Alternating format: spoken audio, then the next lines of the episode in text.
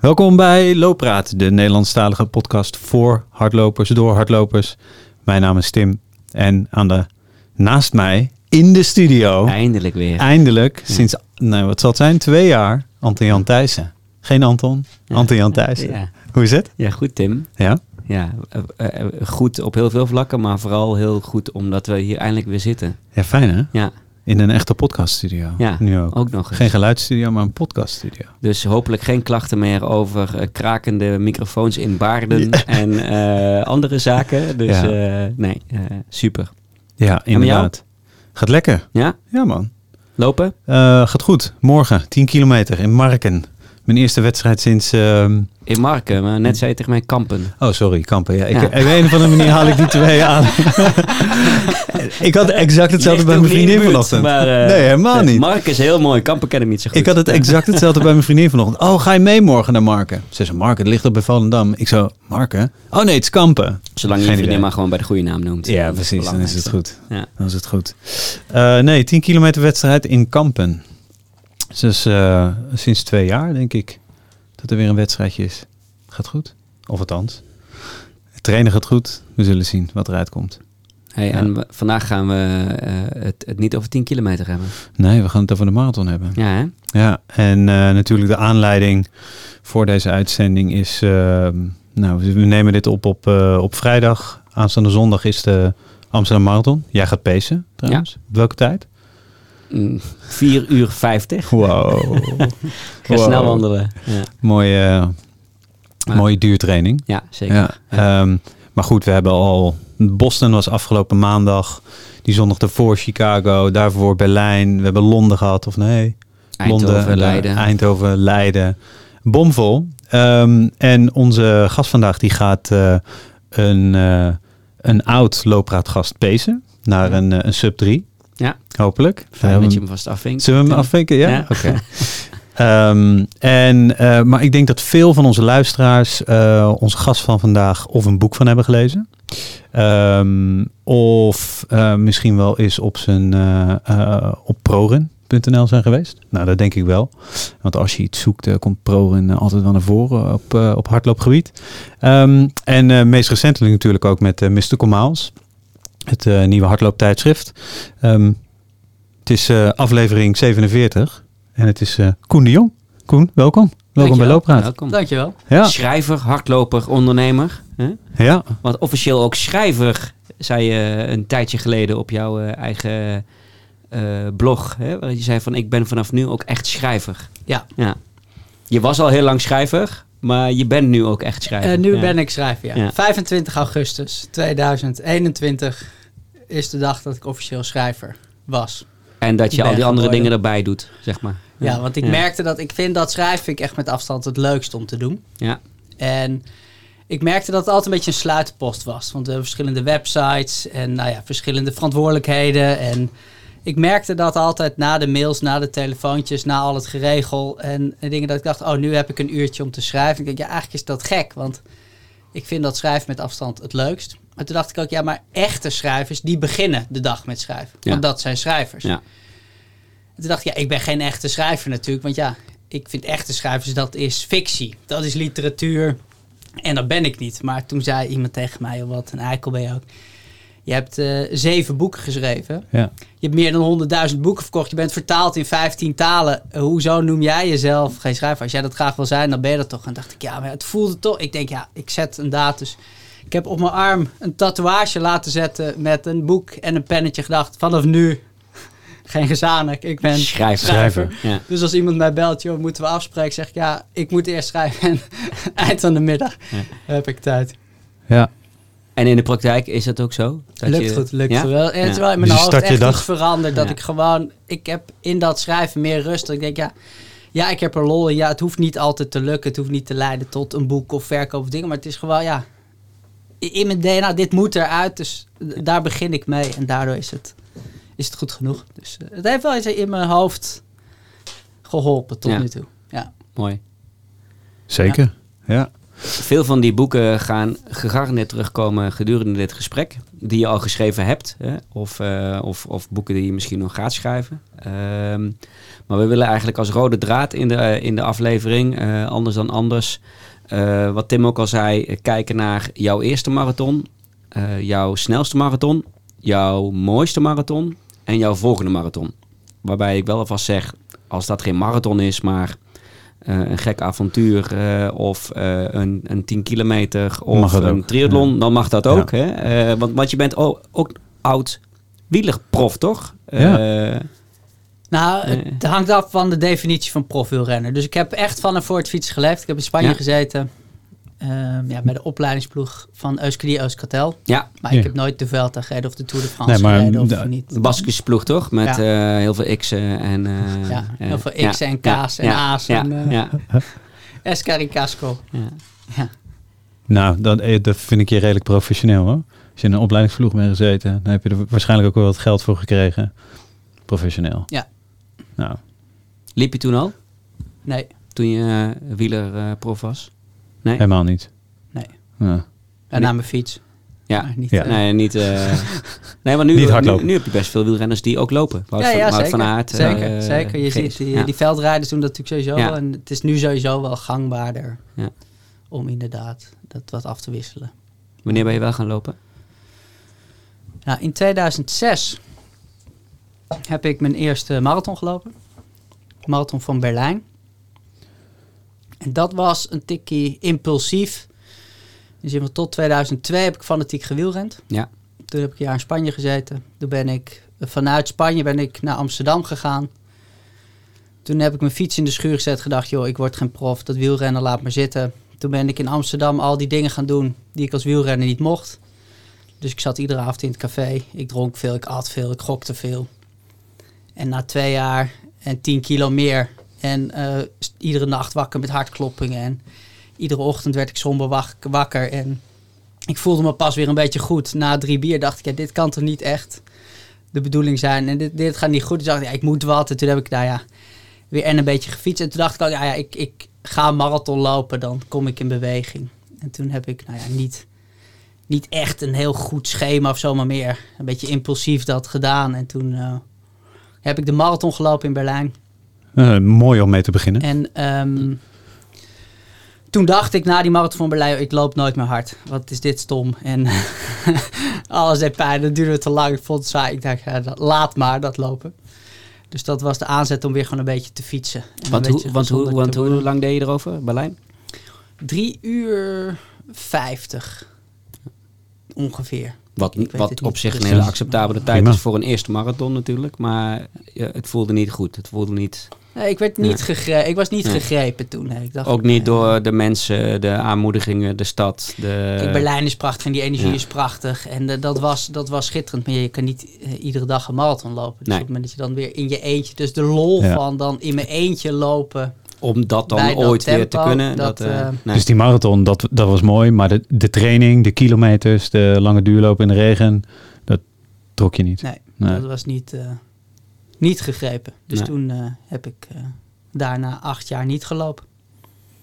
Huh. En heb ik gefietst. Ja. Nee, gaan fietsen. Ja, ja. of, Ja. of ook weer al die dingen die je niet meer mocht als fietser. eh, nou, daar een, een tijd lang... behalve, dan drugs, want dat mag natuurlijk als fietser gewoon. eh, hè, dat, Nou, er zijn genoeg Ja. manieren om Ja. dat dan weer te verhullen. Maar ja, eh, ja. nee, ja, daar vrij lang wel een, een dubieuze relatie gehad met alles wat dan niet goed voor je was en wel goed voor je was. En Ja.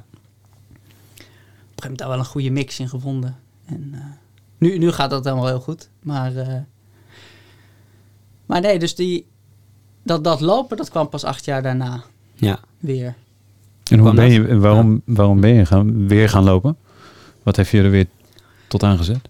Nou, dat was, het was, ehm, ik, ik was wel, eh, sinds mijn wielertijd was ik zeer geïnteresseerd in ademhaling. En het effect van ademhalingsoefeningen op je lijf en je herstel en je humeur en je stemming. En dat, die ademhaling fascineerde me enorm. Dus ik ben me daar echt wel in gaan verdiepen, veel mee gedaan.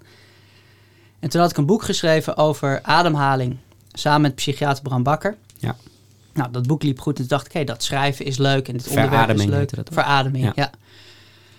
En toen ben ik daarna met Aard Vierhouten oud profwielrenner, die was toen bondscoach bij de junioren beloftes. Heb ik toen een boek geschreven om die kennis van ademhaling en wat van die fysiologie bij die wielrenners te krijgen. Toen in het boek Ik de wielrenner. Ja. En toen belde Stans van der Poel mij op. Van wie ik ongelooflijk veel heb geleerd. Voor wie ik jarenlang heb gewerkt. En heel veel van die ademhaling mijn eigen heb gemaakt. En die zei toen, joh Koen, is leuk en aardig dat je al die boeken vol schrijft met al die dingen die je van mij hebt geleerd. Maar wordt het niet eens tijd dan om samen met mij een boek te schrijven, dat mensen weten dat die kennis eigenlijk bij mij vandaan komt. Dus ik zei, ja, waar wil je dan een boek over schrijven? Zeg, nou ja, wat jij doet voor die wielrenners in Ik de Wielrenner. Het is wel logisch om dat te doen voor hardlopers ook. Want uh, iedereen loopt hard. Maar je hoort heel weinig trainers en heel weinig lopers over die ademhaling en ja. over de kwaliteit van dat herstel en dat je daar van alles mee kan doen. Is het niet leuk om die kennis bij die lopers te brengen? En voor de, uh, voor de luisteraars, wie is Stans van der Poel? Ja, Stans van der Poel is een oud hoofd van de longfunctieafdeling in een ziekenhuis. En die heeft uh, heel veel onderzoek gedaan naar inspanningsfysiologie. En die heeft een apparaat, apparaat ontwikkeld waarbij je de adempatroon kunt meten. Ademfrequentie, adempatroon, hartslag, hartslagvariabiliteit. En die doet ongelooflijk veel vanuit de inspanningsfysiologie en de ademhaling. Dus die doet individueel metingen om te kijken hoe adem je in rust. Dan kijk je hoe adem je bij inspanning. En dan kijkt ze daarbij wat je hartslag doet. En zij deed die metingen ook al voor topsporters, toch? Of, ja, dus ja, als wielrenner ben ja. ik bij haar terechtgekomen. Gewoon. Wij werden met de hele ploeg door haar getest toen ik nog in Nederland fietste.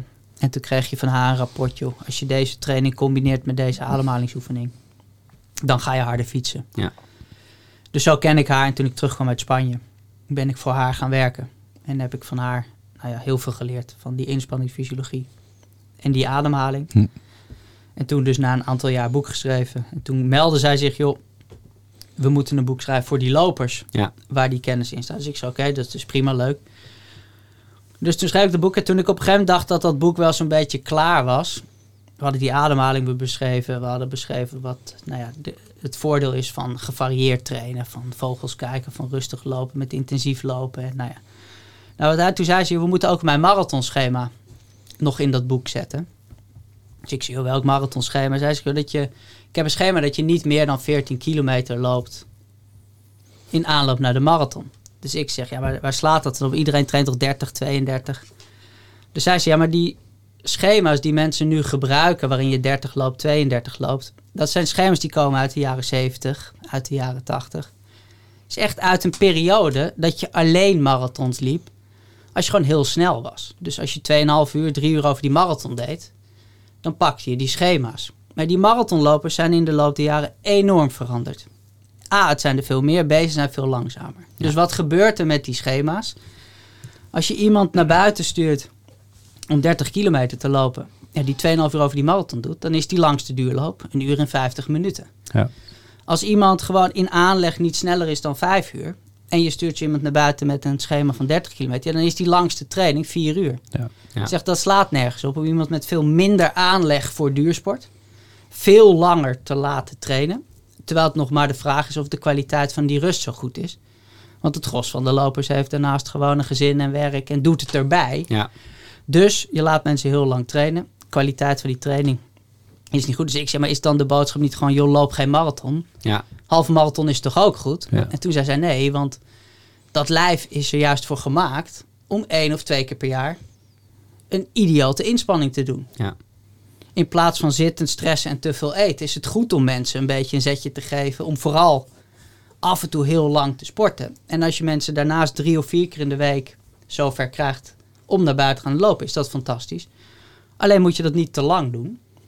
En je kunt niet alleen maar zeggen, joh, train lekker weinig en loop die marathon. Nee, je moet dan wel een slimmigheidje uithalen met de kwaliteit van die training. Ja. Dus in dat boek beschrijven we dan veel hoe je marathonhartslag bepaalt en hoe je dan kunt lopen. Dus ik dacht, nou, ja, klinkt plausibel, dus ik schreef dat op. en dat boek was twee weken oud. En dat was de hardlooprevolutie? Ja. Ja. Ja, ja, ja. ja. Dus dat was de hardlooprevolutie. En ik dacht, leuk, nieuw boek. En dat klonk logisch. Maar dat, dat duurde twee weken. Ja. En toen kwamen bij mij echt de dreigmails binnen van looptrainers en ervaren marathonlopers. Ja. Zeiden, Jos, ze moeten je armen eraf hakken. Dat is Ja. onverantwoord. En wat doe je lopers aan? En dit slaat nergens op. Als je nou maar 14 kilometer wil lopen, waarom ga je dan een marathon lopen? Eh, Ja, dus ja. daar echt veel ja. venijn. Dus ik denk, Ja. hè, joh, eh, nou ja, ik, had, ik had me daar helemaal niet op voorbereid. Ik had het helemaal niet zo door. Maar door het venijn van die kritiek... Kijk, Stand haalde de schouders op en die zegt... joh, ik heb allemaal lopers begeleid met dit schema. Ja, zij had gewoon Zolang bewijs. die lopers Ja. blij Ja. zijn, ben Ja. ik blij. Wat kan Ja. mij dat schelen? Maar Ja. ik dacht wel, ja... Mijn naam staat wel op dat boek. Ik heb het wel opgeschreven. Maar ik weet ook niet of het wel werkt. Ja. Nee. Dus toen dacht ik, Jij bent opeens een bad guy. Ja. ik, ik Ja. wil het Ja. dan wel eens proberen. Om te kijken Ja. waar nou ja, die kritiek vandaan komt. En wat, of dat dan terecht is of niet. Dus toen ben ik, eh, heb ik gewoon dat schema gepakt, 40 kilometer. En toen ben ik gaan trainen voor de marathon. En toen leerde ik twee dingen. Namelijk, en dat eh, de marathon lopen met dat schema, dat dat prima ging. En dat het heel goed voelde. En toen leerde ik ook dat dat lopen eigenlijk best leuk is. Ja. Ja. Toen denk ik, hé, hey, dit is best lekker gewoon buiten. En, eh, En kwam dat laatste door dat eerste? Dat, dat, dat je eigenlijk op een veel verantwoordere manier of op een andere manier aan het trainen was? Dat je het daardoor ook leuker vond dan die keer dat je voor Berlijn aan het trainen was? Eh, nou, de- ik denk niet dat dat de hoofdreden is. Ik denk dat de hoofdreden is dat ik toen ook gewoon wat rustiger in mijn hoofd was. En dat ik ook gewoon een, een wat lager tempo en gewoon wat minder gedoe eromheen. Ja, Dat ik dat juist lekkerder vond, acht jaar later. In plaats van dat ik acht jaar ervoor nog echt dacht, ja, een, een mooie fiets en hard fietsen en ver van huis kunnen komen. Dat is juist lekker in Ja. die sport. Ja. Ik denk dat dat het meer was. En ook acht jaar misschien na een, een topsportcarrière, dat je dat ook makkelijker tegen jezelf kunt zeggen. Ja. Van het hoeft niet per se in 2,5 uur. Ja. Ja. Ja, Dus ja, zo is dat een beetje een lang antwoord op de vraag. Maar Nee, Nee, hartstikke goed. Daarvoor. we hebben maar vier vragen, dus wat dat betreft eh, mag elk antwoord zo lang zijn. Mag hoor. een kwartier. Eh, ehm, en, en waar liep je toen die, die eh hardlooprevolutie marathon? Ja, want dat was je, Ja. dat was je Ja. tweede. dat was mijn Ja. tweede. Ja. Ja. Dus je Dat- ging, je ging trainen, je liep die marathon. Waar was die? De Groene van Amsterdam, Oh ja, bij de Slotenplas. door eh, De enige, geloof eh, ik. Ja. door de Abdelkader ja, Benali. Ja, Ja. die had ik toen georganiseerd. Ja. Ja, ja, nice. En hoe ging hij? Ja, dat, dat ging goed. Tenminste, ik vond dat het goed ging. Want eh, ehm, ik liep toen, eh, ja, ik liep heerlijk. En eh, in 3 uur 27. Dus flink sneller dan die eerste. En vooral pijnvrij. En eh, ik, ik liep lekker. En ik had er vooral gewoon heel veel lol in. Het was echt takken weer. Regen, koud en dingen. Ik had echt schik Ja. om daar te lopen. En ook gewoon op mijn stadsfiets naar de start. En dan allemaal mensen met een startnummer. Ik weet niet, dat Ook een klein beetje, zie je wel, het kan wel. Of, En- of, of zat dat niet in, eh, was het geen Ah, nee, dat heb ik eigenlijk helemaal niet. Dat is... Ik bedoel, ook al was het niet jouw eh hardlooprevolutie. eh, maar je- wat je zei, mijn naam stond wel op dat boek. Hè? Ja. Het waren de, de schema's en de gedachten van, van Stans van de Poel. Maar er was, zat niet een soort van... eh, hè, lekker, ik heb bewezen dat het dus inderdaad kan. Nee, dat heb ik helemaal niet. Want Ja. ik, het was echt gewoon een experiment. Ja, En als het niet lukt, dan is het experiment, oké, het lukte niet. En Ja. als ik dan achterhaal waarom niet, nou ja, dan, dan is dat het experiment dat je lekker dat dat je deze uitspraak even doet. Want die deed je laatst in eh, je eigen podcast eh, Klaas en Koen lopen weg met eh, Klaas Boomsma. Toen zei je ook, die, die heb ik opgeschreven. Het was een experiment, ik weet niet, het ging over iets anders toen. Maar het was een experiment en een experiment is altijd gelukt. Ja, Ja, Want- dat, ik, heb dat wel inderdaad mooi, laten, ja. want dat ging over die 2 uur 50 marathon. Ja, ja, Toen daar ik ging die over. Ja, Ging ik op vermogen lopen. En dan inderdaad. zet ik vooraf in zo'n blog, joh, Stride zegt nu, als jij op 250 watt loopt, dan loop je die marathon binnen 2 uur 50. Nou ja, Ja. Dat, dat schrijf ik vooraf. En zeiden mensen ook van, ja, maar waarom leg je jezelf zo'n druk op door dat dan zo te delen en te doen? Ik zeg, welke druk? Ja, hoezo, je hebt dat nu toch gezegd? Ik ja, ja, is toch het experiment? Ja, Ik bedoel, als ik, ik ga nu dat gewoon doen. En zij zeggen dat ik dat nu loop. Maar ja, als dan of het niet lukt, of ik loop het precies en die tijd komt er niet uit, ja, dat is toch niet mijn. het experiment is sowieso Ja, geslaagd. Ja. Dit, is het Ja. dit ga ik doen. Ja, En dat is het experiment. Dus Ja. dat. En dat was ook met dit. ja, Kijk, en nu, nu dat allemaal zo groot is geworden. En ik echt voor een groot deel met sportrusten.nl daar veel, me, veel uit heb kunnen halen. Is een gevolg omdat dat toen lukte. ja, En ik daar zelf schik in kreeg. Ja. Maar als het daar was gestrand. Omdat ik dacht, ja, maar ja, het werkt helemaal niet. Ja, dan had ik Stans opgebeld en gezegd, joh, eh, dit werkt niet. Ik ga weer fietsen. ja. En ja, dan, dan is dat het. Dus nee, dat gevoel wat jij schrijft, ja, zie je wel of zo, dat, Nee, dat had, Dat ik toen, Nee. toen helemaal niet. Nee. Ik denk gewoon, oh, geinig, dit lukt. En Ja. dat lopen is ook nog leuk. Dus Maar even, ik denk, eh, voor mij, je hebt die, die 14 kilometer, het schema gevolgd. Hoe gaat dat dan op het moment dat je op 25 kilometer zit? Want dat moet wat met je doen. Zo van, oh, ik ben in mijn voorbereiding nog niet zo ver, ge- nog niet zo ver gegaan als 25 kilometer of 26 of 30, weet je. Hoe, hoe was dat tijdens, de, tijdens die marathon? Nou, kijk, fysiologisch gezien eh, werkt dat voor mij toen prima en voor veel. Dus voor spieren, pezen, banden, gewrichten zie je dat het bij veel mensen prettig is dat die heel uitgerust bij de start van zo'n marathon staan. En qua brandstoffen, energie, ja, dan kom je er ook uit. Als jij weet, van, ik moet zo hard lopen en dan komt het wel goed. Dan gaat het goed. En eh, wat ik later heel veel heb teruggehoord, is dat mensen dat mentaal echt de hel vinden Ja. en heel Ja. moeilijk vinden. Ja. Ja, en dat is iets dat, dat had ik ook helemaal niet. Want ja, ik denk, ja goed, eh, ik loop eerst 14. Toen was ik bij 14, denk ik, nou ja, loop nog een keer 14. Ja, Was ik bij 28 en dacht ik, oh nou, van hier naar finish Ja. is nog maar 14. nog maar 14. Dus ja, drie keer denk ik, ja, dat heb ik vaak gedaan, dat 14. Maar ja, zo werkt het niet bij iedereen Nee. in zijn hoofd. En ja, daar was ik wel ontspannen in. Ja, en fysiek ging dat toen heel, Ja, ik kan me Ja. wel herinneren dat toen in die tijd dat het inderdaad eh, ook op forums en dergelijke heel veel over gediscussieerd was. Toen was de periode dat ik begon als pacer. En ik had in mijn groep toen ook veel eh, mensen die op die manier getraind hadden. En dan stonden jullie volgens mij vaak bij 14 kilometer bord ook nog met een soort van cheering eh, crew. Van je bent nu verder dan je ooit eh, geweest. dat vond ik altijd heel leuk.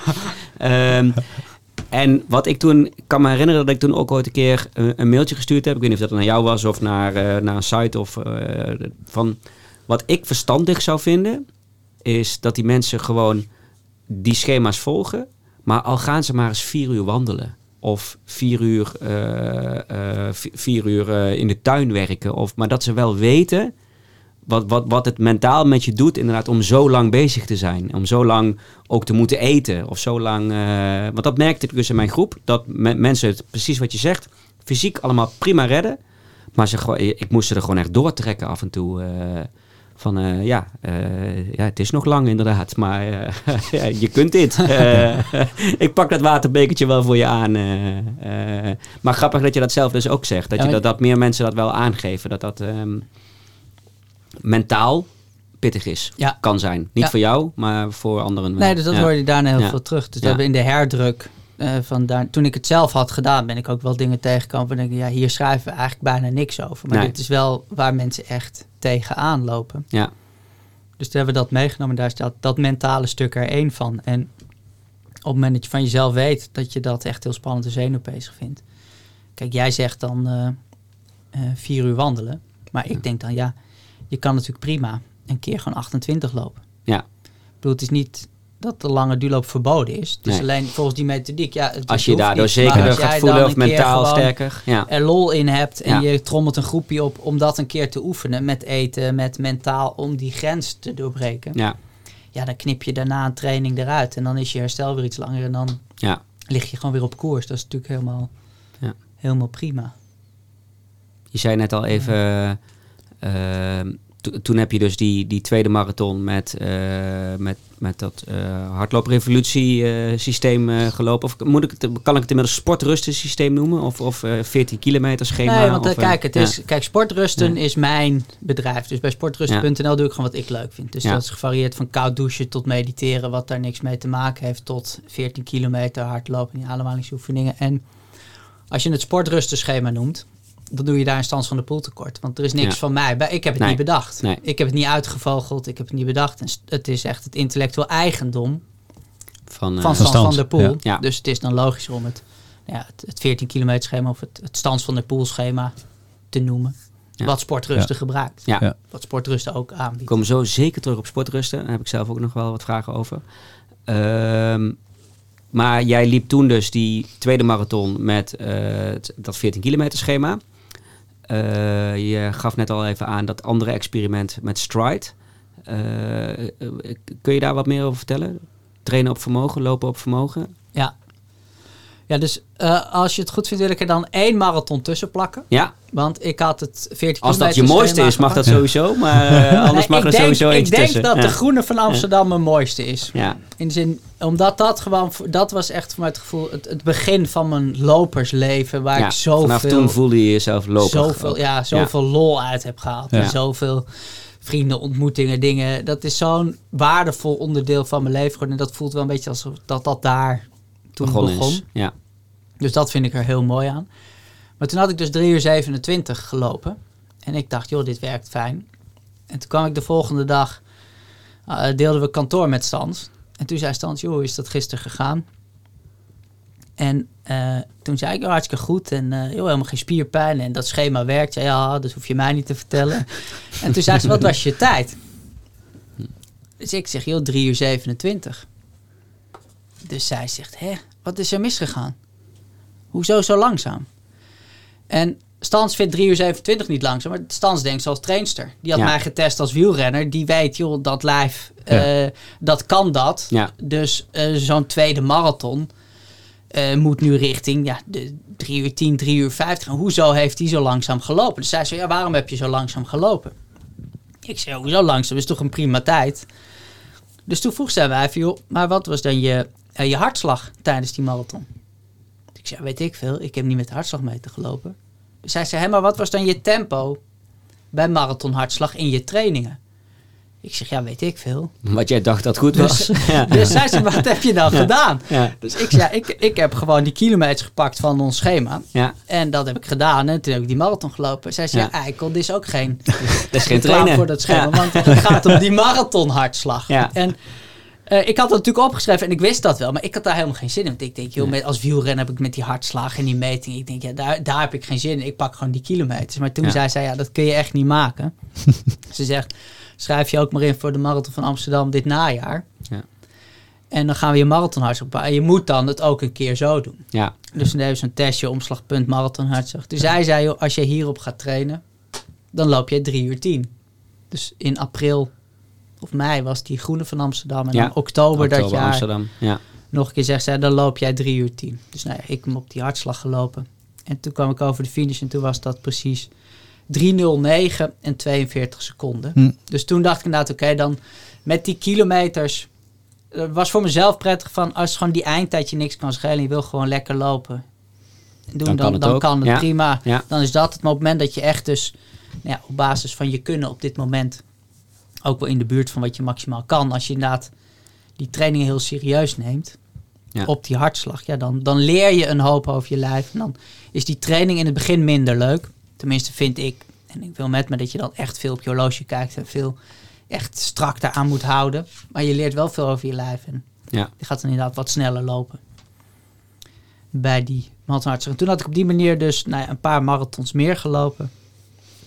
En toen had ik een boek van Ron van Meegen gelezen en Hans van Dijk.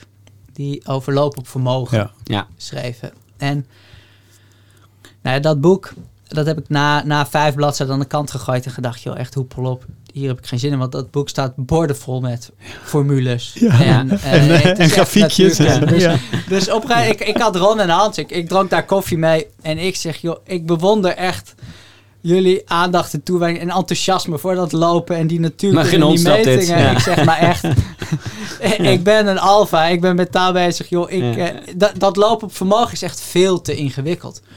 Dus toen begon Ron een beetje te lachen. Hij zegt, ja, wij vinden het leuk om dat ingewikkeld te maken. Want wij vinden het leuk dat die formules kloppen en dat we die formules weten. Maar ja, hij zei toen, ja, lopen op vermogen is eigenlijk makkelijker dan lopen op hartslag. Want je hebt gewoon maar één getal. Dus Ja. Of je nou een intensieve interval doet, of je nou harde wind tegen hebt, of je nou een berg oploopt, of je nou harde wind tegen hebt. Ja, die, dat vermogensapparaat, ja, dat meet, gaat voor je rekenen. Jij Ja. hoeft maar op één ding te letten. Dat zit op je schoen toch, zo'n vermogensapparaat? Ja. Ja. Ja, Je hebt het tegenwoordig ook in horloges, maar volgens mij is dat minder accuraat. ja dus die horlo- zij testen Of dan en, alles. en banden en zo. ja, en, dus zij ja. testen alles. En ik heb altijd zoiets van... Ik heb met hen gesproken en een boek gelezen. En ja, zij zijn echt... Als er iets nieuws is, dan eh, schroeven ze het open. Gaan ze ermee lopen dingen. En als zij dan zegt, joh, het klopt niet. Dan neem ik dat gewoon aan. Mhm. En als zij zegt, joh, dit is net zo betrouwbaar. Dan neem ik het ook aan. En dat is er dus zeker nog niet. Dus eigenlijk is alleen die voetpot Ja. En er is, er is er geloof ik maar eentje op de markt nu, toch? Of Ja. de, Nu Eh, nog wel. eh, van Stride Ja. is dat? Ja. Ja, ja, Ja. ja. ja, Ja. Want de, de Garmin's en de Pola's van deze wereld, die, die hebben dat nog niet. Nee. Oké. Nee, dus ja, dat zal niet lang duren. Want het is inderdaad, het, het, is, het maakt het makkelijk. Dus wat ik gedaan heb is, eh, met zo'n stride heb ik dit jaar voor de Marathon van Den Bosch. Die was in maart heel kleinschalig. Ja. Marathonnetje.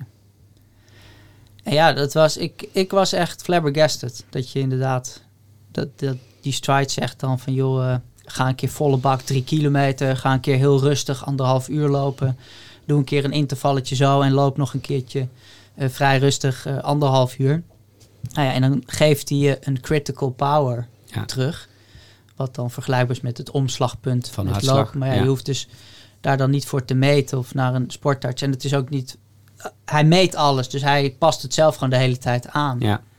Dus op het moment dat jij jezelf een keer overtreft, nou ja, dan wordt hij wat opgekrikt. En op het moment dat je een tijdje wat weinig doet, dan gaat hij weer naar beneden. En ja, toen heb ik op die manier getraind met stride. En toen heb ik dus twee dingen heel anders gedaan. Want toen heb ik voor het eerst echt getraind met een schema waar die lange duurlopen gewoon onderdeel van waren. Ja. Mhm.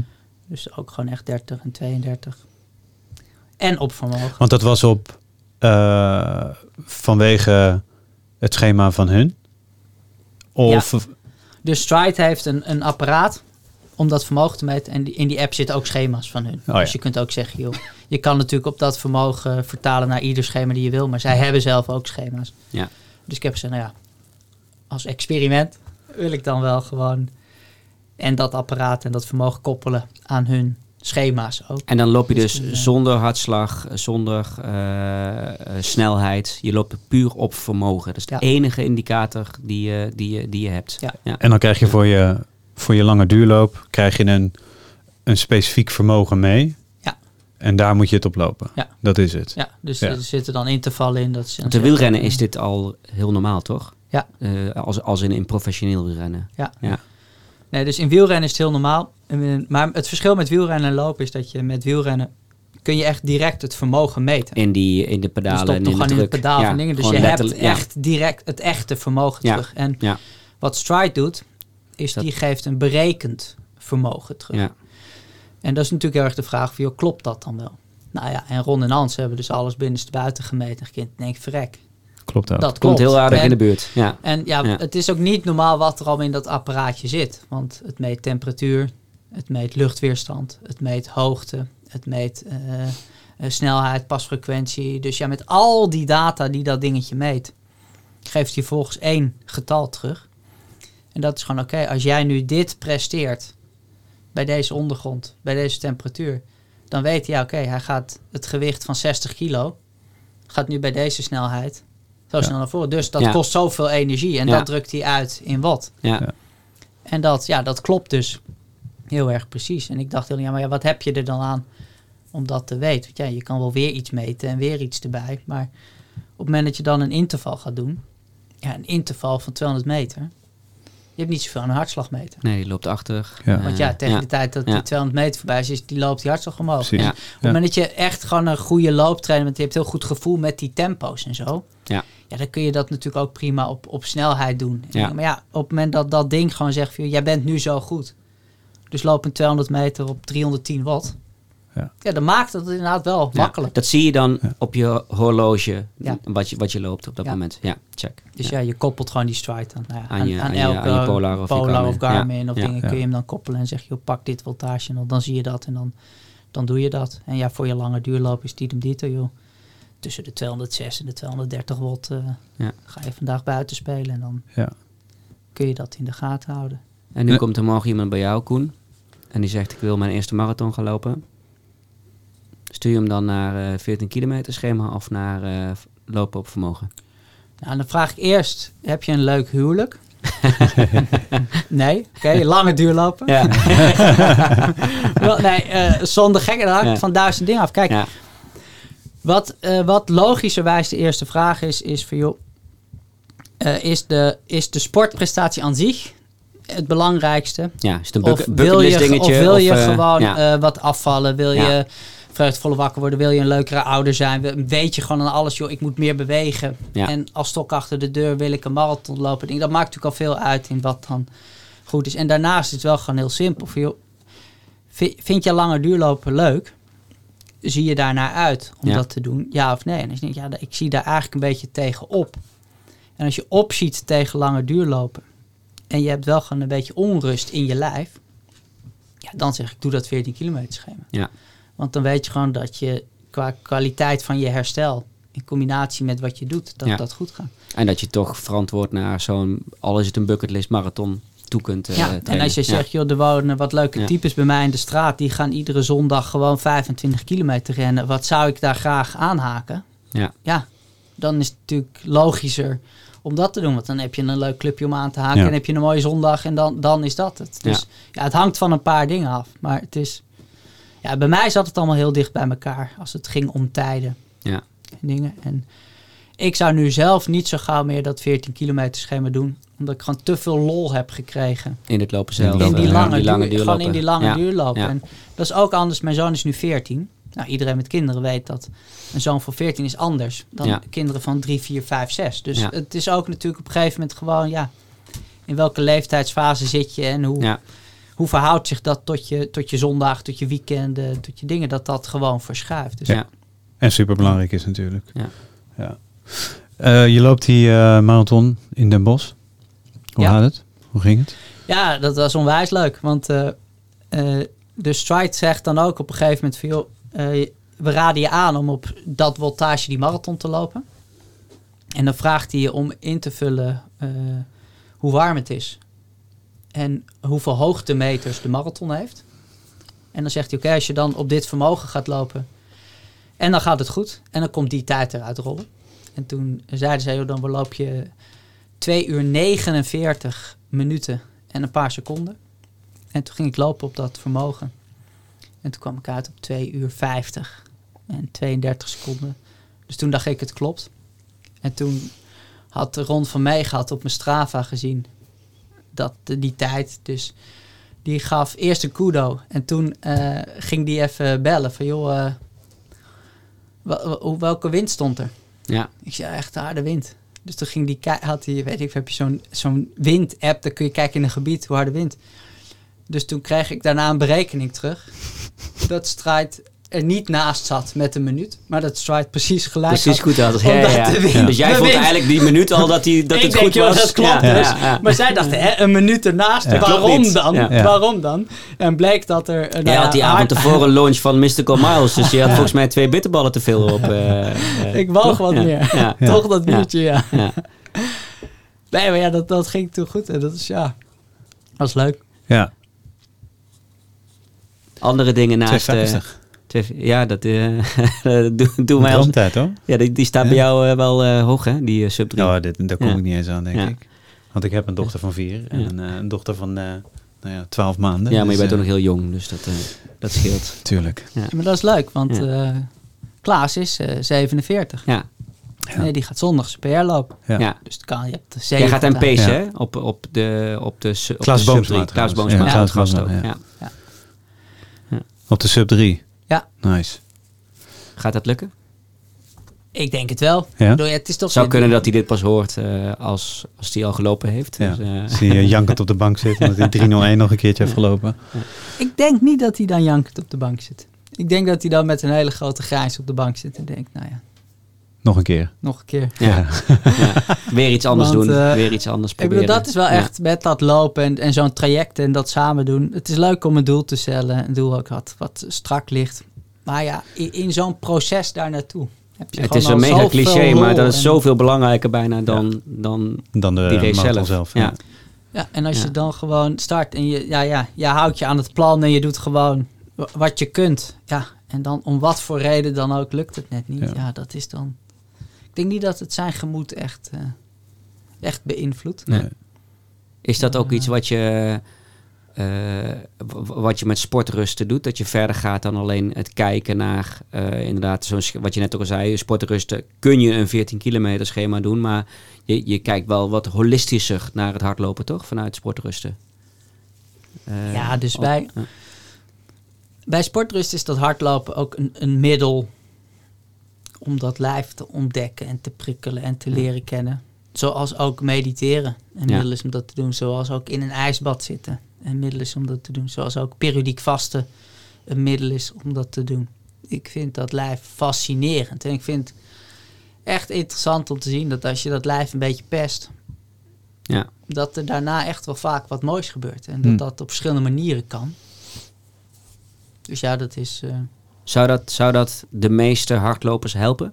Om, om dat soort dingen dus ook te, te doen? Of aan toe te voegen aan hun schema of aan routines of aan hun... ehm, Nou, ik, kijk, ik weet, de, de, de hardlopers die de Olympische limiet willen halen en, en naar de Spelen willen gaan, daar heb ik echt geen benul van. Ik Nee.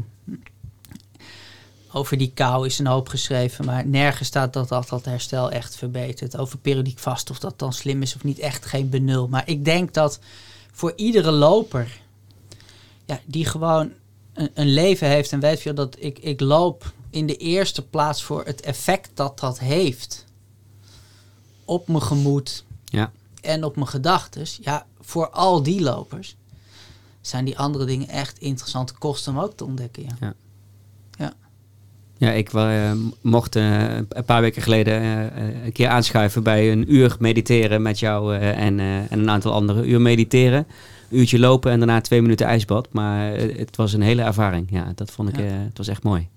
Ik zei, mi, mi- hoe noemen we dat? Mythisch.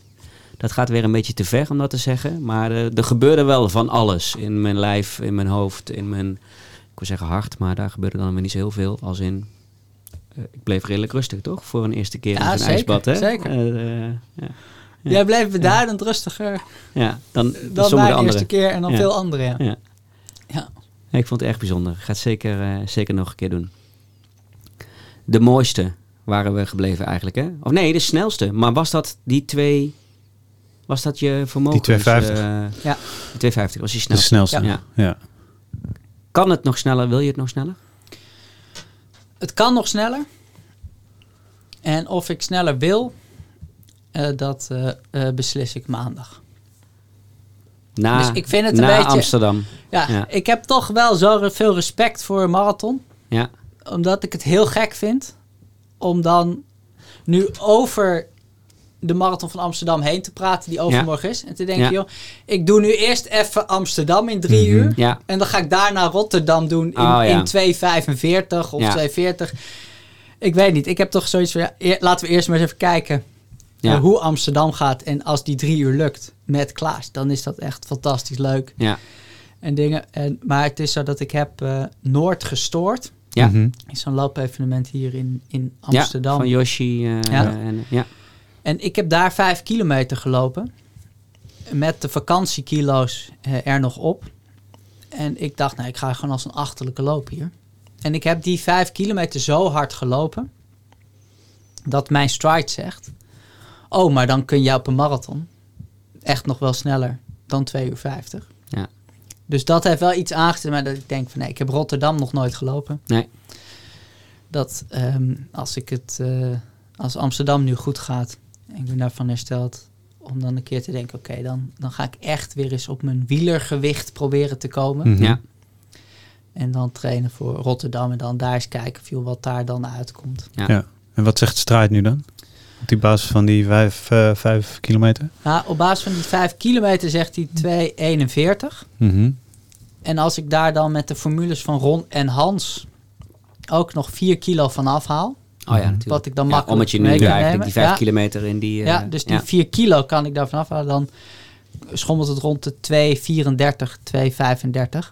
Ai, En eh, ja, dat is natuurlijk echt hard. idioot hard. Ja, dat is waanzinnig. Dus ehm Dat is wel een mooi getal, 2, 3, 4. Ja. 2, 3, 4, Ja. 5, 6. Ja, ja, Kan ook nog. Kan ook net. Kan ook nog. Dat zou top zijn als je dat doet. Dat zou top zijn. Nee, maar goed, dus kijk. En als je ehm, dan de eerste wordt, is het 1, 2, 3, 4, 5, 6. Ja, dus, maar dat is wel iets wat in mijn ho- achterhoofd, dat ik dacht, ik, los van die tijd, maar dat, nou ja, dat vermogen en dat gewicht om Ja. te kijken, daar heb ik invloed op. Om dat gewicht naar beneden te brengen en echt gericht te gaan trainen op die vermogens. Ja. En dan te kijken wat eruit komt rollen. Maar, eh, Maar heb je er zin in? Om dat gewicht naar beneden te krijgen. Ja, en wat je ervoor moet laten. En, nou, ja. het is... Ja. ehm, Want dat is wel, het is wel even iets anders. Het is iets anders. Ik, ik heb er zin in als ik Klaas daarin meekrijg. En dan niet in de zin dat Klaas dan ook zo hard moet lopen. Maar Klaas is ook looptrainer. Mhm. Die heeft een, een loopgroep eh, in, in het Vondelpark. Met allemaal ja, enthousiaste, leuke lopers. En als ik dan aansluit bij zijn clubje. En met hem als trainer zeg van oké, we gaan samen even zo'n zo'n traject in. Want als ik zie hoe hij eh, nu bezig is. Bijvoorbeeld in die marathon van Londen met lopers uit zijn groep. Nou, ik denk serieus dat hij nog meer geniet als een loper uit zijn groep 2,59 loopt, Ja. dan als hij dat zelf Ja. loopt. Ik bedoel, Hij heeft daar zo ongelooflijk veel, veel lol in en plezier in. Ja, dat En- straalt hij ook wel en uit, leeft inderdaad. zo mee met, met al die mensen dat ik denk, nou ja, als hij mij dan traint en je hebt zoiets dat je dan een beetje het gevoel dat je samen zo'n traject doet, Ja, dan, dan lijkt het me leuk om Ja. dat is, nou ja, te ontdekken wat, wat er dan uitkomt. Dat het niet te veel topsport wordt en ik wil dat Ja. en daar Mhm. moet alles voor wijken. Niet- maar niet dat het meer obsessief is van, wordt. je hebt Ja. gewoon een leuk clubje met Ja. wie Ja. je dit het samen traject moet ook leuk blijven. Ja, En ja, ja. dat je dat dan een beetje samen op die manier aanboekt. Dan kan ik me voorstellen dat ik daar en lol in heb en dat daar iets uitkomt. Dat dan, Ja. Nou, we gaan het zien. De, mo- de mooiste. Maar dit, we hebben het nu eigenlijk alweer over de volgende. Maar eh, de volgende is zondag. Hè, wat Ja. je ook zegt, van eerst focus daarop en eh, daarna eh, kijken we verder. De mooiste was de groene, zei je. Eh, omdat je daar eigenlijk ontdekte, ik ben, ik ben loper. Eh, eh, Rotterdam wordt wel eens de mooiste genoemd. Eh, vind ik overigens in Nederland ook echt zo. Ehm, qua publiek en qua beleving. Andere loopjes of lange lopen waarvan je zegt die waren eigenlijk mooier dan de mooiste marathon? Of bijzonderder? Of, eh, Ja, ik vond de eerste keer verder dan een marathon was ook bijzonder. ja, De 60 van Tessel ja, was bijzonder omdat dat toch, nou ja, ik dacht ook dat het ophield bij de marathon. Dat is toch een beetje in, in Nederland, nou ja, met veel lopers. En dan spreek ik denk ik toch, ja, de marathon is 42 en daar houdt alles op. ja, Totdat je een keer met Hans Koeleman gaat praten. ja. Die zegt, ja, de, de Nederlandse marathon is de halve afstand. Want de echte afstand is de Comrades Marathon Ja, in Zuid-Afrika. en dat is echt 89 is de marathon. En dat je dan ook mee zegt, ja, maar ja, 89. Dus maar 89, je moet 100 kilometer of je moet 100 mijl. Of dat daarnaast ineens nog een heel gebied opende met lopers die, die verder gingen. ja. Eh fascinerend. Toen heb ik de 60 van Tessel gelopen. En dat kwam eigenlijk ook door eh, iemand die met sportrusten had gelopen. En zei van, joh, ik zie dat jij eh 3 uur 10 hebt gelopen op die marathon. Dat is allemaal leuk. Nou, ik heb jullie schema gebruikt en ik heb er eh 5 uur en 12 minuten over gedaan. Dat is eigenlijk wel een stukje knapper, hè? Ja. Want, eh, ik, heb dik, ik heb dik 5 uur moeten ja, lopen. Ja, ja, ja. Toen zit jij al twee uur Ja. aan de Aan koffie. Is ook knapper eigenlijk. Ja. Dus toen dacht ik wel, Ja. nou ja, vijf uur lopen, Ja. is dat eigenlijk niet inderdaad Ja. knapper? Dus is dat niet... Dus dacht ik, ja, dan moet ik dat eens doen. Dacht ik, ja, om nou een marathon dan... In vijf uur te gaan lopen. lopen, dat- ja. dat je mag mee onlogisch, zondag als je wil. maar, eh, eh, met mijn ballonnetje. Een volgende keer lijkt me dat heel gezellig. Ja. Maar, eh, ja, dus toen had ik de 60 Texel. van Tessel gelopen. Ja. Dat was ook mooi. Om nou ja, dat te ervaren Ja. en, eh, en te doen. ja. In, Ja, de, in de geest van mooie. Knippenberg. eh, Ja. heel mooi. eh. tenminste, tegenwoordig. Je had natuurlijk vroeger ook de Jan Knippenberg Memorial. Ja. Maar eh, die is er helaas niet meer. Maar daarvoor is voor mij de 60 van Tessel nog meer in de geest van, Ja. van Knippenberg. ja. Ja. Zeker. Komend jaar is die weer, toch? Of Ja. afgelopen... Ja, komend jaar. Ja. Wat is jouw mooiste? Mm, nou, dat is niet een, een, een stadsmarathon. Dat Nee. is een van, een van mijn tochtjes waarschijnlijk op een rondje Nederland. Ja. Of, de, of onze OCC-ervaring. Zo iets verder. Ja, ja, Ja. dat was sowieso... Nee, eh, mijn mooiste tocht was eh 100% zeker... Toen we een paar jaar geleden, toen José Vicente, ook voormalig gast, de UTMB ging lopen in september. Toen hebben wij in augustus de UTMB in een paar dagen gelopen. Dat was by far het mooiste. Ja. het mooiste. Ja. En toen heb ik ook zeker één dag een marathon gelopen. Dus eh, dat is dan bij deze mijn mooiste marathon. Ja. ja. Ja. Ja. En van de stadsmarathons vind, die ik gelopen heb, ik heb nooit New York, nooit Berlijn gelopen, vond ik Rotterdam echt wel het tofste. Ja. Ik Amsterdam is mijn stad. eh, eh, maar ik zeg altijd, in Amsterdam staan 1 miljoen mensen aan de kant te zeiken dat de weg is afgesloten. En in Rotterdam staan diezelfde 1 miljoen mensen aan de kant te juichen. Ja. Weliswaar in een Feyenoord trainingspark, maar eh, daar kijk ik dan maar even doorheen. Eh, nee, ik vind, Rotterdam vind ik echt tof. Ja. Jij?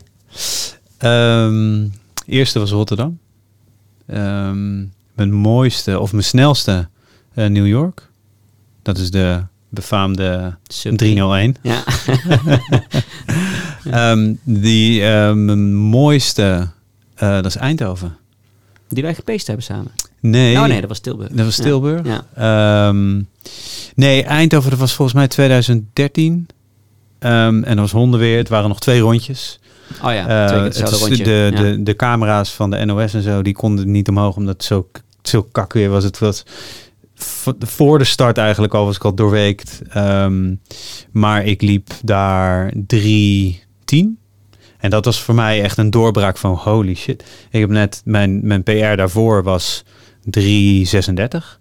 Ehm, en ik ging ook echt wel sneller weg dan die 336. Maar dat ik 310 liep, dat was voor mij echt een openbaring. En toen is ook die hele... Hey, zou ik niet een sub 3 kunnen lopen? Ja. Eh, dus iemand op... Ik had het, ik had het op eh, Instagram gezet vanochtend. En iemand zei ook, waarom is Eindhoven mooier dan New York? Ja. New York is waanzinnig, is zo Ja. vet. En daar staat, weet je, je hebt het over miljoenen mensen langs de kant. Ja, daar eh, factor 10. Het is, Ja. het is zo vet. Maar ehm, qua wat het voor mij heeft gedaan, persoonlijk, en qua ontwikkeling als hardloper, is Eindhoven echt wel een soort van kantelpunt geweest voor Ja. mij. Ja, Eigenlijk hetzelfde moment wat jij schetst, Ja. wat Ja. jij bij de Groene had. Ja. ja, Ja, mooi. eh, eh, ehm, I'm a runner. Ja. Ja, precies, precies. En zo van een soort van besef van holy shit. En er zit misschien nog wel meer in. En als ik dingen, weet je, dan ga je opeens dan gaan een soort van oh, die rateltjes werken van als ik nou net even dit nog optimaliseer en dat doe en Ja. dat doe en zus doe en dan kan ik dan die sub eh, die sub 3 lopen. Eh, ja. Dus dat. De volgende, Koen. Naast dus zondag. Eh, ja, dat weet ik nog niet helemaal zeker. Dus dan moet ik even kijken. Maar Ja. Jij, jij noemde New York. Ja. Ik heb een briljante anekdote van mijn marathon bij New York. Wat echt surrealistisch was voor mij. Want wat... eh, je hebt toch bij New York, heb je bij de start, je moet heel vroeg met allemaal Ja. bussen naar dat eiland. En dan gaan die bussen Uren duurt dat geloof ik, toch? Eh, Voordat je begint. Het is een soort van strafkamp En, ja. Ja. Ik was met, eh, met Bram Bakker en dat is nogal een eigenwijze dwarsligger. Dus eh, die zegt, joh, als iedereen hier om kwart voor vier met die bussen naar dat eiland gaat, dat hoeft helemaal niet. Wij draaien ons nog een keer om. We gaan wat later, want ik weet een andere route. Nou Ja. ja, ik denk, oké, het is al wel handig.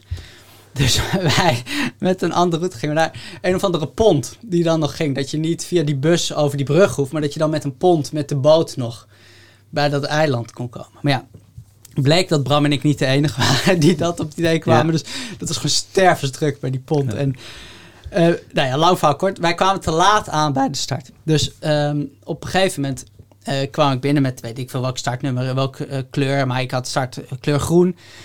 Dus ik kom daar, daar aan. En ja, we waren natuurlijk allemaal lopers. En dan zo twee van die gasten, militairen, die zeggen, joh, Green, je had al weggemoeten. Kom, dus die beginnen allemaal mensen weg te duwen. Ja, aan de kant, aan de kant, aan de kant. En wat doen zij? Zij zetten mij neer vooraan bij Wave 2. Want ze, ze starten daar en dan stoppen ze echt. En dan heb je Ja. Wave 2. Ja. Dus ik stond op de, op de eerste rij even te wachten. Nou, pang, we gingen weg. Met, met tot gevolg dat je op die brug loopt. Die je bij al die foto's Mhm. ziet van dit is de Ja, route ja. van New York. Met al die mensen erop. Op Loop ik in mijn pieren eentje. Ja. Omdat je voorop... Omdat Ja. ik voorop zat. Ja. En dus Ja. in, in Ja. een start wat veel langzamer liep. Ja. Ja. Dus ik ging gewoon mijn pace lopen. Jij ging die Van- andere W1 achteraan. Ja. Dus gewoon een lege brug. Dus zo'n Hongaar naast me die zegt... joh, ik dacht dat die marathon van New York een drukke marathon was. Ja. Maar hier lopen we met z'n- heerlijk. Hier Ja. lopen we met z'n twee. Echt zo'n surrealistisch moment was dat. Hè? Is dit die brug? Ja. Lopen we samen. Maar is voor jou dus ook niet de mooiste? Ja, dus ik heb daar over, nou ja, wel over nagedacht. Want ik heb wel buitenlandse marathons gelopen die, die mooi zijn en qua energie. Maar ik dacht, ja, die, die groene van Amsterdam is misschien niet de mooiste, maar wel echt de meest betekenisvolle Ja, voor me ja, wat ik dan mooier vond. Dus je hebt daarna ja, op een gegeven moment wel veel mooie eh, marathons ook die qua euforie en dingen wat spectaculairder zijn, maar die toch minder betekenen dan voor de, voor de lange. Wat ik zo mooi vond van, eh, van New York is, is dat, eh, ja, de, eh, je noemt het al, de energie. Die er eigenlijk, de- het gehele parcours, behalve de bruggen, staan er drie rij dik staan er mensen. Maar dan kom je, volgens mij is dat, eh, eh, kom je een Joodse wijk in, is er niemand. Staat er niemand langs de weg? Zaterdag. Nee, het is op zondag. Oh, ja. Ehm, maar letterlijk, en de, ehm, boeit je geen reet. Ze lopen gewoon over het parcours heen alsof het hè, normaal is.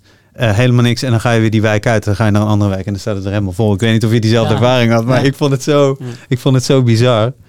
Ehm, ja, maar ook voor mij niet in die zin de mooiste, omdat het dus geen, weet je, Eindhoven was voor mij, de- nou wat ik net vertelde, Ja. was de kant op. Ja, de gaan. betekenis daarvan. Ja. Ja. Ja. Ja. Moet de marathon bij iedereen op, op zijn of haar bucketlist staan? Hey, waarom? Nee, nee maar je, je hoort het wel eens dat het bij mensen op het lijstje staat. En dat je je afvraagt van is dit wel verstandig? Ja. Of waarom, precies wat je straks ook zei, van waarom ga je niet gewoon lekker een halve lopen en daar eh, twintig, twee keer zoveel van genieten? Ik ben sowieso Ja. veel meer fan van eh, ritu dagelijkse rituelen dan bucketlist Ja, dingetjes. Want je kunt wel een bucketlist hebben en allemaal dingen doen en daar dan even euforisch over zijn. Maar ja, als drie dagen later je zoon iets doet wat je irritant vindt, dan ben je weer even kribbig en eh gefrustreerd. Misschien nog wel kribbiger, omdat je net uit die euforie komt en denkt, Ja, ja, daar wil ik in niet, een zwart daar, daar gat, eh, moet niet aan gemorreld ja, worden. Terwijl ja. ik heb niet zoveel met bucketlist dingen, dat soort dingen. Het is veel mooier. Nou ja, wat wij op zondagochtend doen, wat je beschrijft, joh. Je gaat een uur mediteren, je gaat dan het Amsterdamse bos rennen en dan eh, neem je dat bad. Dat is gewoon iets wat er altijd is en wat altijd kan. Dus dat is gewoon iets wat, wat je in je ritueel mee kan nemen en bij de hand hebt. Ja. Ik denk dat, dat, dat ik dat veel mooier vind. Dat je dat vindt. Van welk ritueel brengt je het meest dan een bucketlist te maken en dat af te vinken en dat... eh, Ja, en, en als je dan zo'n zo'n marathon op de horizon neerzet, dan ook echt genieten van dat proces, maar ook in de wetenschap dat die dingen ook gewoon blijven. Ja. Eh, wat, want dat hoor ik ook wel bij veel mensen die dan wel die marathon op hun bucket, bucketlist hebben, die daarna eh, nooit meer gelopen hebben. Weet je wel, zo van vink. Ja, klaar. Eh, eigenlijk te weinig plezier gehad in het proces ernaartoe. Het is gewoon iets wat ik ooit wilde, wilde doen. En nu dan- de Kilimanjaro. En Ja. dan parachute springen. ja, Ja. ja, ja, inderdaad. Ja, Bungee ja, jumpen, ja. ja. Ja, En dan kom je ook volgens mij in zo'n zwart gat. eh, wat, wat we, tenminste, als ik namens mezelf spreek, wat ik sowieso altijd wel heb na een evenement. Dat je even zo'n moment hebt van shit, nu Mhm. is het gelukt of nu hebben we het gedaan en, eh, en, en, en nu. Eh, maar als je dan die basis hebt van dingen die je altijd doet. is niet aardig. best aardig. Siri eh, begint tegen mij te Siri, praten. eh, dat is niet aardig dat je dat zegt.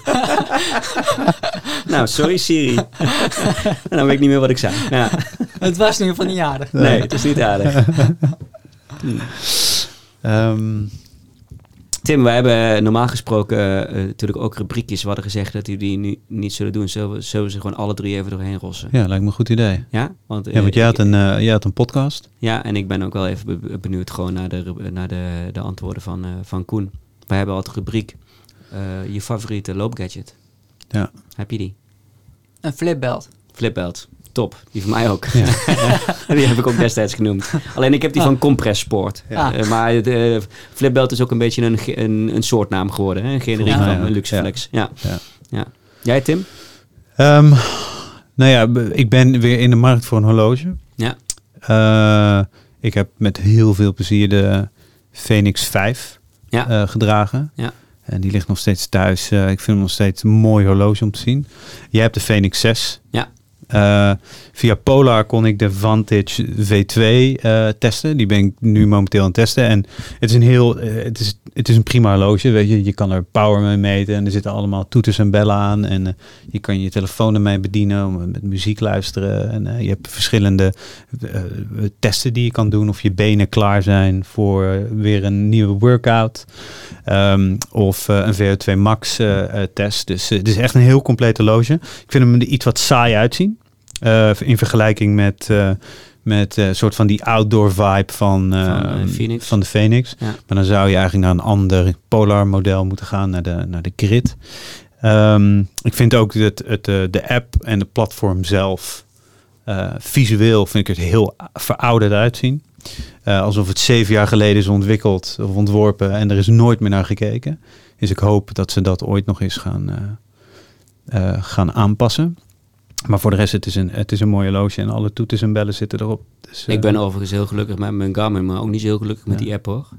Nee, Garmin, de Garmin ik app is gewoon ook... in eh, Strava naar mijn ja. resultaten.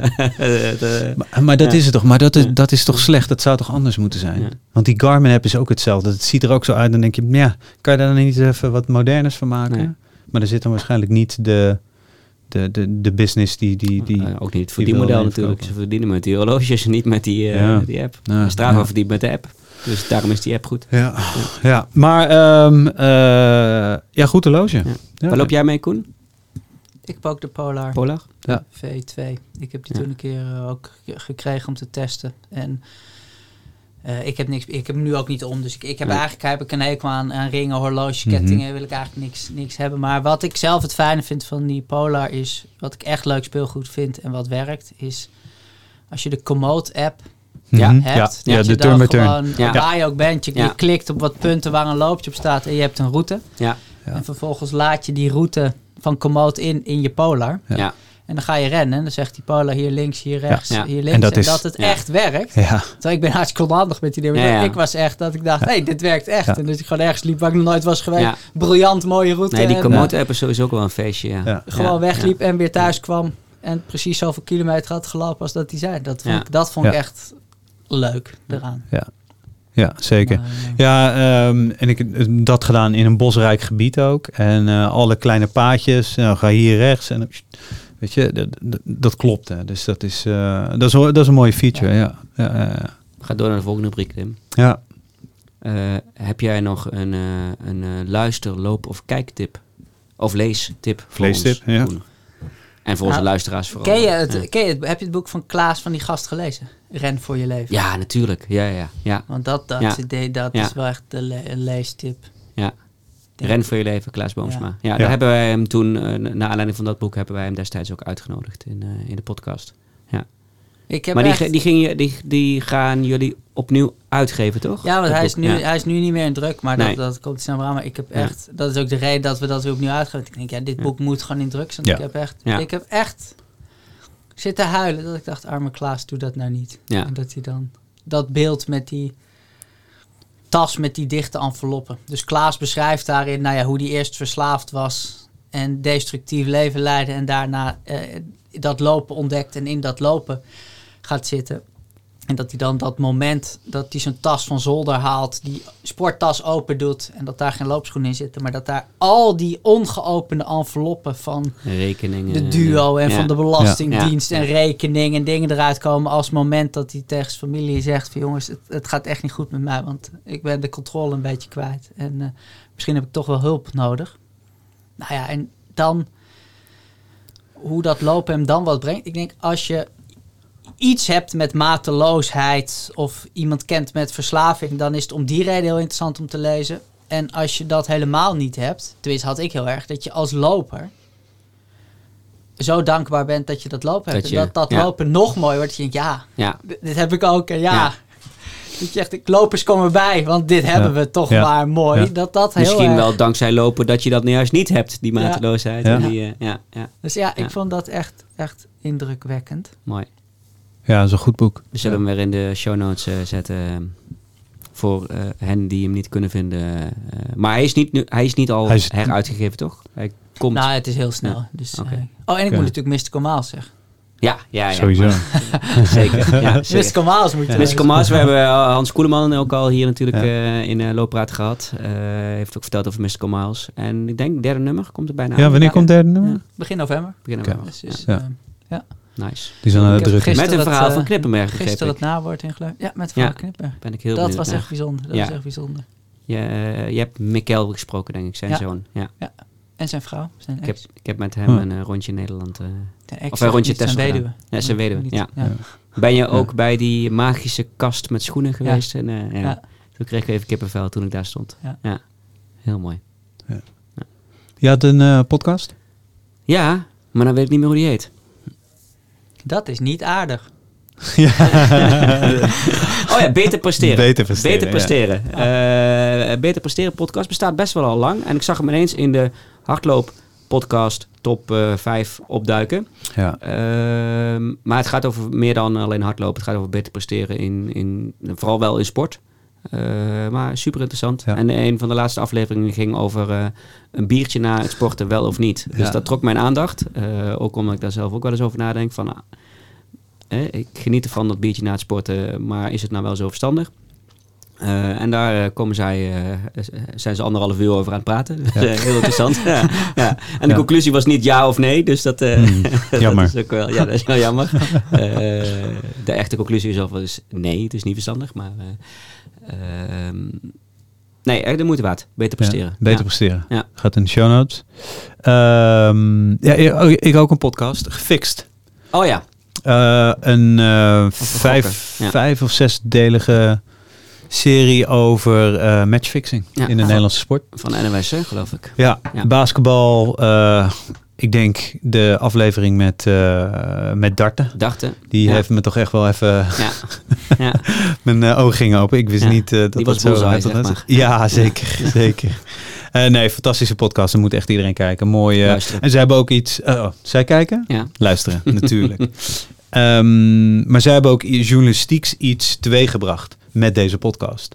Toen ze het aan het onderzoeken waren, hebben ze het naar buiten gebracht. En toen... Niet je- geheel eh, toevallig, eh, net voordat natuurlijk de kansspel op, eh, op open ging. Eh, ook goed getimed wat Ja. dat betreft. Ja. Ja, ja, ja. Ja. Ehm, maar een geweldig podcast. Absoluut. Zeker, zeker luisteren. Gaan we naar onze laatste rubriek. Laatste. Slash slotvraag. Ook Ja. met het oog op de tijd. Jij Zeker. klokje lopen. 1 uur 6. Ja, 1 uur 6. Mooie tijd voor een halve marathon. Ehm, wij hebben een, eh, een, een hele moeilijke laatste eh, vraag altijd. Als in, niet, niet moeilijk om te antwoorden hoop ik, maar wel eh, hoe die heet. De rubriek. De loop je niet kapotcast tip.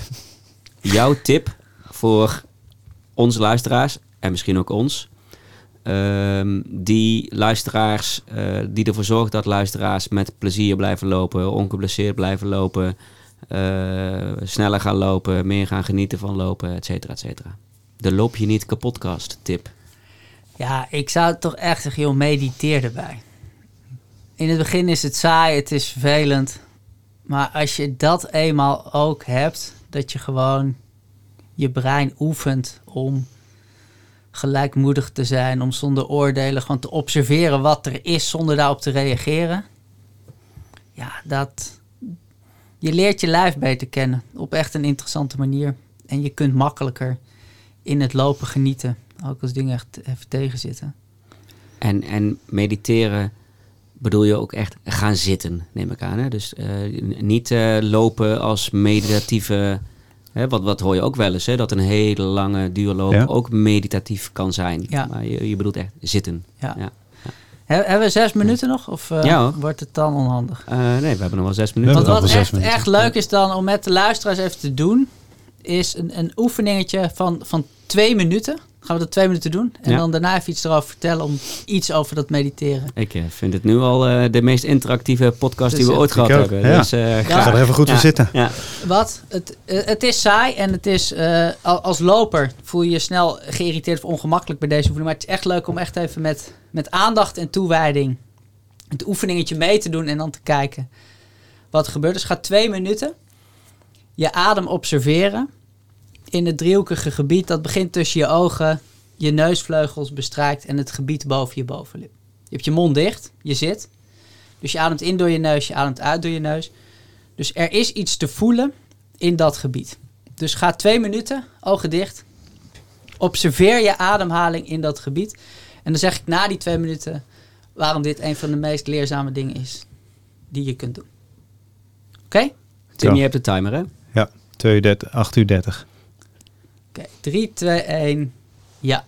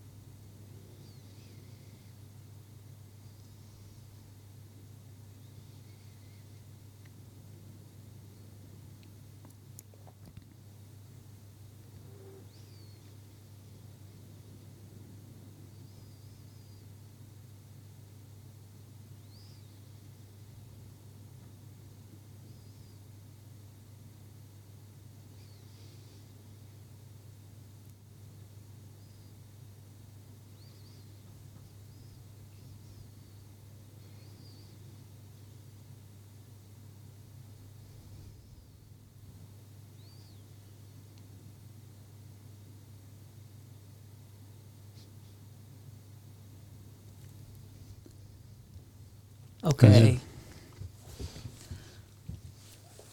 Wat ik hier mateloos intrigerend aan vind, is als ik je vooraf vraag van, wie bepaalt wat jij denkt, dan zeg je dat bepaal ik zelf wel wie anders. Maar bijna iedereen die deze oefening doet in het begin, is dat je merkt dat dit niet lukt. Want je wil je ademhaling observeren, maar het kan 10 seconden duren, het kan 20 seconden duren, het kan 30 seconden duren, maar al vrij snel plopt er een gedachte op. En ben je met die gedachte bezig en niet met het observeren van je ademhaling. Nou ja, en het is niet dat je besluit, ik vind deze oefening saai, ik ga aan iets anders denken. Nee, dus er plopt een gedachte op en die gaat met je aan de haal. Maar wat die gedachte is, dat heb je niet in de hand. Nou, wat ik hier nou zo interessant vind en wat voor lopers interessant is, maar, maar sowieso, is dat wat je denkt bepaalt voor een heel groot deel hoe je je voelt. Want als je de hele dag door dingen denkt, joh, wat heb ik een leuke partner om de podcast mee te doen? Wat heb ik leuke kinderen thuis? Wat heb ik leuk werk? Wat is mijn clubje toch goed? Dan heb je een lekkere dag. Als je de hele dag door dingen denkt, joh, waarom heb ik geen discipline? Waarom ben, zijn mijn kinderen zo vervelend? Waarom heb ik toch de verkeerde baan gekozen? Dan heb je een, een, een lullige dag. Dus Ja. wat je denkt bepaalt voor een heel groot deel hoe je je voelt. Maar wie bepaalt eigenlijk welke gedachten erop ploppen? Ja, daar staan we eigenlijk niet zo vaak bij stil. En op het moment dat je 20 minuten per dag gewoon tijd neemt om je ademhaling te observeren, dan train je je brein op een nieuwe manier wat je normaal nooit doet. Namelijk iedere keer als een gedachte oplopt, in plaats van die gedachte zo serieus te nemen, zeg gewoon van joh, hoepel even op gedachten. Ik was nu niet met gedachten bezig, terug naar mijn ademhaling. En op het moment dat je dat eigen maakt, ja, dan denk ik dat je hier niet zo snel over de podcast loopt. Niet een leuke potloop. maar, eh, ja, mooi. Ik denk dat dit een wereldprimeur was, toch? Een podcast met twee minuten stilte. Of, eh, Ik denk het ook. Of, zijn er ook meditatiepodcasts? Vast wel. eh, eh, Ik weet, ik heb er niet zo ja. gehoord, maar het is ja, Ja. ik, ik vind dat echt intrigerend. En uh, ja, dan, ik denk zeker als je dit meeneemt, dat dat voor dat lopen Mooi. Ja. fijn is. En dat het een het ander. Maar, maar eh, eh, ik, denk dat je gelijk hebt dat het juist goed is om dat in, in stilte te doen en, en, en zitten. En niet tijdens het lopen, want het, lopen heb je natuurlijk ook weer al, ben je ook met allerlei andere dingen bezig. Maar dat, dat, precies dat gevoel wat je net beschrijft, dat je op een gegeven moment dat, dat die gedachten opploppen en dergelijke. Ik heb wel met een hele lange duurloop dat dat op een gegeven moment ook gewoon stopt. Ja. Hè? En, en, Dan ben je eh, opeens 30 minuten verder en, en, en dan weet je niet waar je over hebt eh, Nee, over en dan ben je echt nadenken. ook alleen maar aan het focussen. Maar, maar ja, bedoel, dat, dat, dat gebeurt echt pas na, na, na twee, drie uur, eh, bij wijze van spreken. En, en dat- heb ik, eh, nou, ik heb- met jou, ik, ik doe die 20 eh, minuten, eh, heb ik al een tijdje gedaan. eh, ook eh, via sportrusten, s, ochtends 20 minuten, s avonds 20 minuten. Vond ik super moeilijk. maar ik zag wel wat, eh, wat, wat het inderdaad met me, met me deed. Maar dat uur, eh, vorige week eh, of twee weken geleden eh, bij- jullie in de clubhuis, peanuts. Ja. Maar dat kwam ook doordat het met, met anderen was. Dat vond ik ook wel heel... en dat is ook iets wat ik in het lopen heb ontdekt. Dat samen lopen is hartstikke leuk. Hè? Want je kan elkaar stimuleren. En, maar samen stil zijn tijdens het lopen... daar ontstaan de... Ja, klinkt gek, maar daar ontstaan de, de mooiste gesprekken. De hechtste vriendschappen. Dat, dat heb ik onder andere dus met, met Hans Koeleman ontdekt eh, tijdens een van mijn eh, eh, loopjes op de rand van het land, rondje Nederland. Dat als je st- stil kunt lopen met andere mensen, dat, dat ja, bijna in nou, band voor het leven klinkt een beetje geforceerd, maar hetzelfde wat er gebeurt met een hele lange trail als je met iemand de nacht doorgegaan bent. Dat is echt eh, heel bijzonder. Maar dat had ik met het mediteren ook. Ik zeg niet dat die mensen nu allemaal mijn vrienden zijn, maar ehm, eh, ik, ik vond het wel heel bijzonder. Ja. Mooi. Ja, mooi. Laten we hem hierbij afsluiten. ja. Ja? Zo gaan, gaan we vanaf nu gewoon heel lang eh, stil zijn. of komt nu bij mensen de, zo de de luister- volgende podcast. De luistercijfers die zien. Ja. Na twee minuten. Nee, Koen, eh, dankjewel. Eh waanzinnig interessant. Succes aanstaande zondag. Dankjewel. Klaas, succes. Mocht je dit nog voor zondag horen. Alle andere lopers succes, want er gaan heel Ook, veel mensen ja. in Amsterdam lopen. En Eindelijk nog meer, weer, denk ik, ja. volgende week Rotterdam. Dus eh, Ja. heel veel succes. Eindelijk weer. Eh, heel veel succes allemaal. Eh nou ja, Loopraad ehm, Natuurlijk kan je ons vinden loopraad.nl, maar ook in alle andere luisterapps. Spotify, Apple Podcast, Stitcher, nou noem ze maar op. We zijn er. Je moet gewoon even zoeken op, op Loopraad. Wat we wel graag willen vragen is, uh, laat even een review achter op Apple Podcast. Um, vier, vijf sterren. Dat zou perfect zijn. Uh, daardoor worden wij beter gevonden, komen we hoger in de rankings. En dat is alleen maar beter. Um, want dan kan meer hardlopers ons, uh, ons luisteren. Um, Koen, nogmaals bedankt. Jullie Anton Jan. Master weer in de studio te zitten. Ik vind Ja. het echt fantastisch. Leuk. Um, en uh, luisteraars, dankjewel. Tot de volgende. Dankjewel. Ciao. Hoi.